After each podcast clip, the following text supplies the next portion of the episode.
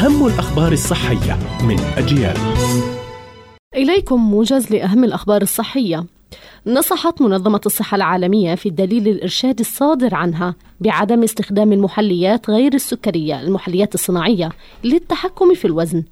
وأصدرت المنظمة مبادئ توجيهية جديدة بشأن المحليات غير السكرية NSS وأوصت بعدم استخدام هذا النوع من المحليات للتحكم في الوزن أو تقليل مخاطر الأمراض غير المعدية.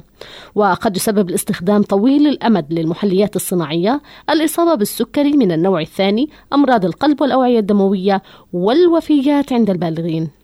ممارسة الرياضة تساعد بشكل عميق في تحسين الصحة العقلية من خلال تخفيف أعراض الاكتئاب والقلق والتوتر. ويحفز الانخراط في النشاط البدني إفراز الأندورفين ويعزز الحالة المزاجية ويعزز احترام الذات. ويمكنه حتى من منع التدهور المعرفي المرتبط بالشيخوخة.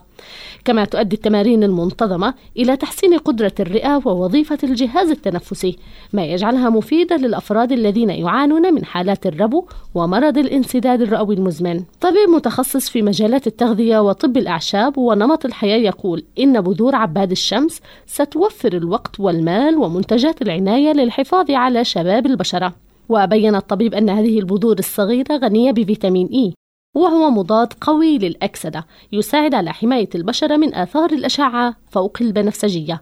فالتعرض المطول للأشعة فوق البنفسجية يمكن أن يدمر الخلايا ويسبب سرطان الجلد. كانت هذه أهم الأخبار الصحية. قرأتها روزانا طه.